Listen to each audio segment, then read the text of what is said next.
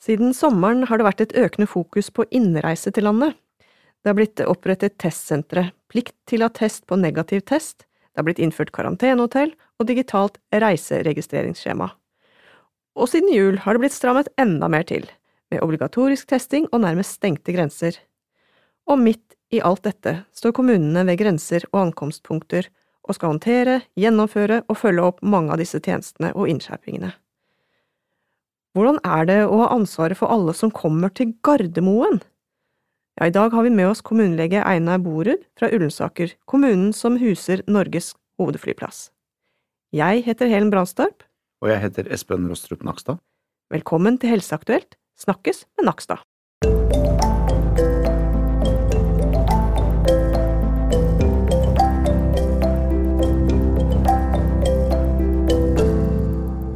Du Espen, i en av de første episodene av denne podkasten så snakker vi om reisingen som kunne starte opp i fjor sommer. Mm. Episenteret drar på ferie, tror jeg vi kalte den. Ja. Og et av spørsmålene vi stilte, var om tjenestene var rigget til å håndtere alle disse reisene. Hva tenker du nå, åtte måneder senere? Nei, jeg tenker at uh, vi er i en veldig annen situasjon enn det vi var i sommer. I sommer så var jo hele Europa nesten grønt. Det vil si, de hadde jo færre enn 20 smittetilfeller per 100 000 mennesker over to uker. Det var et nivå vi bare kan drømme om i dag. Eh, Og mange reiste jo også ut eh, på ferie. Eh, Og på slutten av sommeren så begynte vi jo med de første teststasjonene i Norge, også på Gardermoen. Et tilbud om frivillig testing utover høsten. Så, så det, har skjedd, det har skjedd enormt mye. Jeg tror hvis du tar en tur på flyplassen i Ullensaker kommune nå, på Gardermoen, så, så er det jo, ser det jo helt annerledes ut enn det gjorde i sommer, eksempel, på veldig mange måter. Nettopp. Og da spesielt for utenlandsreisende, tenker jeg. Ja, både antallet mennesker eh, eh, på flyplassen eh, er noe helt annet, men også disse testlinjene og teststasjonene og informasjonsmateriell og veldig mye er jo annerledes enn det det var i sommer. Skjedd store endringer. Er det noe av det som har skjedd som har overrasket deg, egentlig? Nei, altså eh, Vi tenkte vel allerede på sensommeren at eh, det ble en vanskelig høst med en ny smittebølge i Europa. Det så vi jo tidlig i august-september klare tegn til. Eh, Det er klart, men det var veldig vanskelig for et halvt år siden å si hvor mye flytrafikk vil det bli ut og inn av landet i februar 2021, for eksempel. Mm. Det viser seg jo nå at stadig flere land stenger jo grensene. Det påvirker jo selvsagt også flytrafikk og grensepasseringer generelt. Så vi er litt tilbake der vi var for et år siden, faktisk, med litt sånn eh, nedstengning mellom landene igjen, og ganske mye parallelle utfordringer nå med mutert virus, som er litt parallelt til eh, første gang det kom koronavirus eh, for et år siden. Så litt sånn overraskende lik situasjon, egentlig, på mange måter, vil jeg si, Ja. hvis vi ser på det sånn. Litt sånn mer usikkerhet. Hvor smittsomt er det egentlig? Hvordan, ja. Hvor smittsomt er det? Hvor er dette viruset? Hva er mørketallene? Mm. Hvordan kan vi forsikre oss om at det ikke blir mer av det? Eh, Mm. hvor mye kommer inn fra utlandet?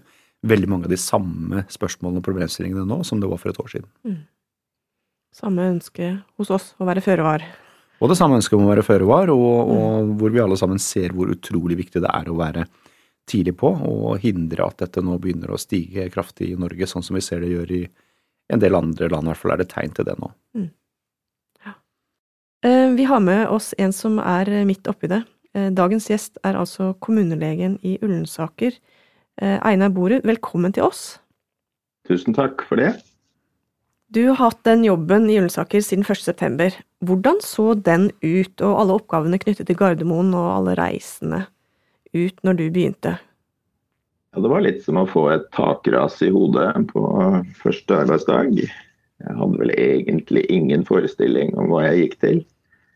Eh, Kommunen, Ullensaker kommune hadde vært satt opp med én kommuneoverlege helt fram til jeg da startet 1.9. Da skulle vi vært to, men eh, dessverre så var min kollega da sykmeldt. Så det var bare én, og jeg kom inn i noe jeg egentlig ikke visste så veldig mye om. Men læringskurven var veldig bratt. Og det som hadde skjedd umiddelbart før jeg starta opp i relasjon til flyplassen, det var at man hadde rigga et testsenter der. Det hadde da vært inne en vikar, vikarierende kommuneoverlege i fem uker og vært med på å rigge det testsenteret. Så det var oppe og gikk og hadde en ledelse med en av enhetslederne i helse her i Ulsaker, som da sto for driften. Vi var jo helt avhengig av ekstern hjelp for å få opp det, sånn at kommunen hadde da inngått et samarbeid med LHL-sykehuset, som da skaffet personell for å drifte dette testsenteret. Nei, jeg, jeg, må si at uh, vi har jo fulgt veldig nøye med på hva som skjer i Ullensaker, og, og, kjenner også til mye av det arbeidet som er gjort tidligere i forhold til flyplassen, og det er jo et imponerende arbeid.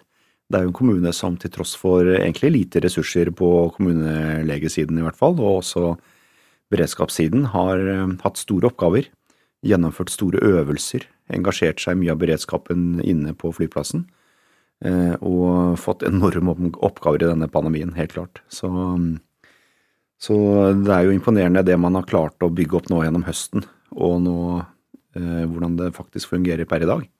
Eh, det må jeg si, Einar, at det er vi imponert over. Ja, Det er hyggelig å høre det. Ja da, det er jo en helt ekstreme oppgaver egentlig som jeg også er veldig imponert over at kommunen har løst så bra som de har blitt løst. Da, i, tillegg til, I tillegg til testsenteret så fikk man jo dette karantenehotellordningen i hodet, og mm. måtte også løse den på ganske kort varsel. Da. Jeg kan ikke fortelle om det, for det, det var vel Var det ett, eller var det flere? Hvordan? flere karer. ja. ja, heldigvis så hadde vel kommunen allerede en avtale med hoteller eh, ved flyplassen i forhold til beredskap og etablering av eh, evakuerte pårørendesentre og den slags. Og og denne hotelldirektøren der har også vært en helt sentral medspiller i å få til dette så raskt som vi jo tross alt måtte snu oss rundt og få det til. Så, så, da beskjeden kom, så var det å ta kontakt den veien, og man fikk da etablert eh, karantene. Han hadde jo altså Så en konsekvens av pandemien var jo at alle hotellene var jo mer eller mindre tomme. Så så det var jo bare å snu seg rundt og få etablert en avtale, men det var jo mye logistikk som skulle på plass da, for å få dette til. I tillegg til hotellrommene så måtte man jo etablere transportløsninger fra flyplassen tilbake til flyplassen. Man måtte etablere et samarbeid med grensepolitiet og hvem skulle gjøre hva i forhold til lover og regler. Hvor kom, slo kommunens plikter inn? Hvor og hva var grensepolitiets oppgaver. Og oppi det hele så var vi jo avhengig av å samarbeide med de som disponerer eh, lokalitetene på flyplassene, altså Avinor, som er en helt sentral nøkkelspiller i dette. Som også har vært eh, fantastisk. De har snudd seg rundt, de har eh, samarbeida kjempebra og, og, vært kreative og løsningsorienterte i forhold til å få ting på plass. Da. Som Espen nevnte, så er det jo slående å ta seg en tur på flyplassen og se at det er nærmest utdødd. Det er jo Butikker er stengt. Det er svært lite liv der i det hele tatt. Men vi har så rigga denne store teststasjonen da i ankomsthallen fra utland. Og den også har jo vokst betydelig i omfang da etter at det på ønske fra Helsedirektoratet ble innført bruk av hurtigtester da på på flyplassen. Eh, det medførte jo at kommunen ikke lenger bare var skulle ta testene og sende dem inn, men vi ble jo i praksis et laboratorium som også skulle lese av disse testene og rapportere dem inn til MSIS. Så det krevde jo en helt annen rigg da, for når man plutselig skulle gå over til å bli laboratorium. Også. Ja, det høres ut som eh, altså, omfattende arbeid, men eh, ja. Samtidig så ser vi på tallene at det bærer frukter. Det avdekkes jo en del smittetilfeller, og, og det virker som hele regimet med kontroll og testing og ikke minst gjennomføring av karantene har blitt vesentlig bedre nå som eh, alle faktisk må gjennom et sånt opplegg når de kommer til Norge. Så, så det er imponerende, men eh, også veldig krevende. Men mm. også veldig viktig, er vel kanskje det vi kan konkludere mm. hittil på dette her. Mm. mm. Ja da, det var veldig krevende i starten med karantenehotell. Da var det fryktelig mye misnøye og støy også fra de reisende. Mange ble jo tatt litt på senga. ble plassert på dette hotellet uten at de ante hva de gikk til da de hadde starta reisen sin. Jeg forstår for så vidt det. Nå har man jo fått justert forskriften sånn at dette fungerer bedre og det er mindre har, Ting har fått gått seg til, da. Mm. Ja. Det er fint, fint å høre. Uh, har du hatt en følelse av at vi har vært i dette sammen? Selv om du har jo sagt før i samtalen når vi forberedte dette, at uh, det har vært utfordrende at dere som kommune skal drifte løsninger som gjelder nasjonen Norge. uh, ja. Og kanskje med Helsedirektoratet som en både en støttespiller, men også litt ivrig styrende instans, kanskje? Kan godt si det slik. Ja. Men det samarbeidet samarbeide der også har stort sett vært greit og absolutt uh, givende. Og, uh, og jeg uh, Du kan si jeg skjønner jo det at Helsedirektoratet her er nødt til å komme føringer, fordi dette er jo ting som gjelder nasjonen Norge, da. Mm. Men noe av utfordringene har jo vært kanskje det svært korte varslingstider til enkelt, når det gjelder enkelte av de, de, ordningene som har vært satt i verk. Da. Sånn at vi har nærmest uh, hatt uh, under et døgn på oss til å snu oss rundt og få på plass helt nye ting. Men altså, som jeg har sagt, jeg er imponert over organisasjonen. Det har funka, mm. tross alt. Mm. Godt å høre. Ja. ja så samholdet innad i kommunen, har det blitt styrka? Ja, det, ja da, det kan du godt si. Og, og folk uh, løser jo oppgaver og andre oppgaver som, som ikke har med den egentlige, eller den jobben de er ansatt i, men de løser det med bravur. altså Når man blir satt til å lede testsenter, eller man blir satt til å lede karantenehotellet og alle de utfordringer som kommer der. Så, så det løses. altså. Jeg er svært imponert over, eh, over, medarbeiderne her i kommunen, det må jeg si. Ja, veldig bra. Det, det er gøy å se. Ja, ikke sant? ja. Føler du, Einar, at uh, dette er noe som kommunen vokser på, på en måte. Altså mm. Bortsett fra akkurat denne pandemien, da, men også ser du noen uh, mulige uh, positive effekter av dette i det mer langsiktige? Ja, det er jeg helt sikker på.